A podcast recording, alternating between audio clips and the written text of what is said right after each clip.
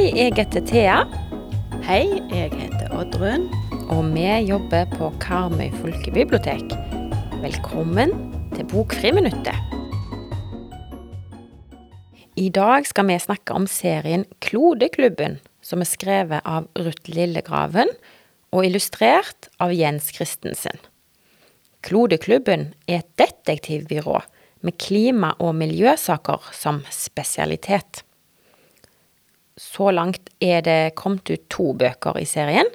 De svarte svanene og Hytta som forsvant. Og du har lest disse bøkene, Oddrun. Ja, det har jeg. Jeg har skjønt òg at du liker de veldig godt. Hva er grunnen til det? Jo, det er veldig masse. Det som jeg liker veldig godt, er jo at de er skrevet på nynorsk. Det har jo kommet så masse flotte krimbøker på bokmålet. Men endelig så kom det en kjekk serie på nynorsk.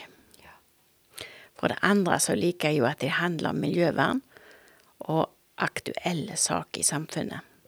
I tillegg så er det jo veldig spennende bøker, da. Det er det, ja. Og hvem er det vi møter i denne klodeklubben? Vi møter Vanja, Sivert og Mo, som nettopp har flytta til bygda. De skal alle sammen begynne i femte klasse. Vanja bor på en gard og er den modigste av de.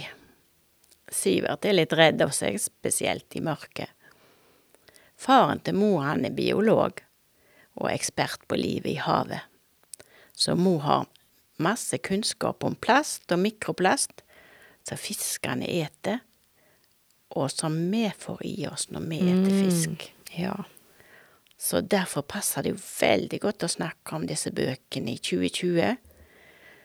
For vi har jo nettopp hatt TV-aksjon for Verdens naturfond, og de skal jo som kjent bekjempe plasten i havet. Og hvem er favorittpersonen din i, i bøkene? Favoritten min er nok Vanja. Det er veldig gøy å ha en sterk leder som er jente, og at guttene ikke er like modige som henne. Og disse bøkene syns jeg vil passe godt ifra tredje klasse, og kanskje til og med femte klasse. Og de egner seg òg veldig godt for høytlesning. Ok, ja. Den første boka i serien heter jo De svarte svanene. Hva er det som skjer der? Jo, det er en båt som har krasja i kaien, og så oppdager barna at det er fullt med oljesøl i fjorden, og så ser de at de hvite svanene er helt tilgrist av svart olje. Og så oppdager de seinere at det er òg mange døde fisk som ligger og flyter i fjorden. Og da bestemmer de seg for å finne ut hvor dette oljesølet kommer ifra. De tror at det kommer ifra, fra fabrikken nede i havna. Der skjer det jo spennende ting, og barna kommer i stor fare. Oi, ok. Kan ikke du fortelle hvem skurken er, Oddrun? Nei, det kan jeg ikke røpe. Men. Klodeklubben, de lurer på om det er den rike fabrikkeieren eller den mystiske assistenten hans Luke. Men det kan jo hende at det er en person som de ikke har tenkt på i det hele tatt. Ja. Så hva handler bok nummer to i serien om, da? Hytta som forsvant?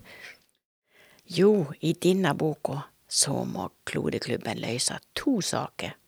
Først må de finne ut hva som gjør at kyr blir syke og dør på gården.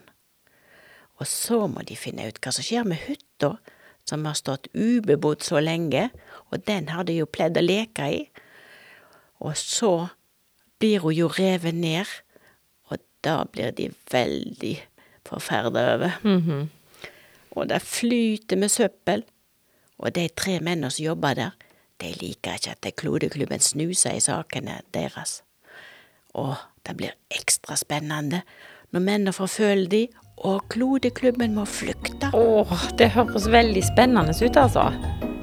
Og du som hører på, du kan låne disse bøkene på Karmøy folkebibliotek.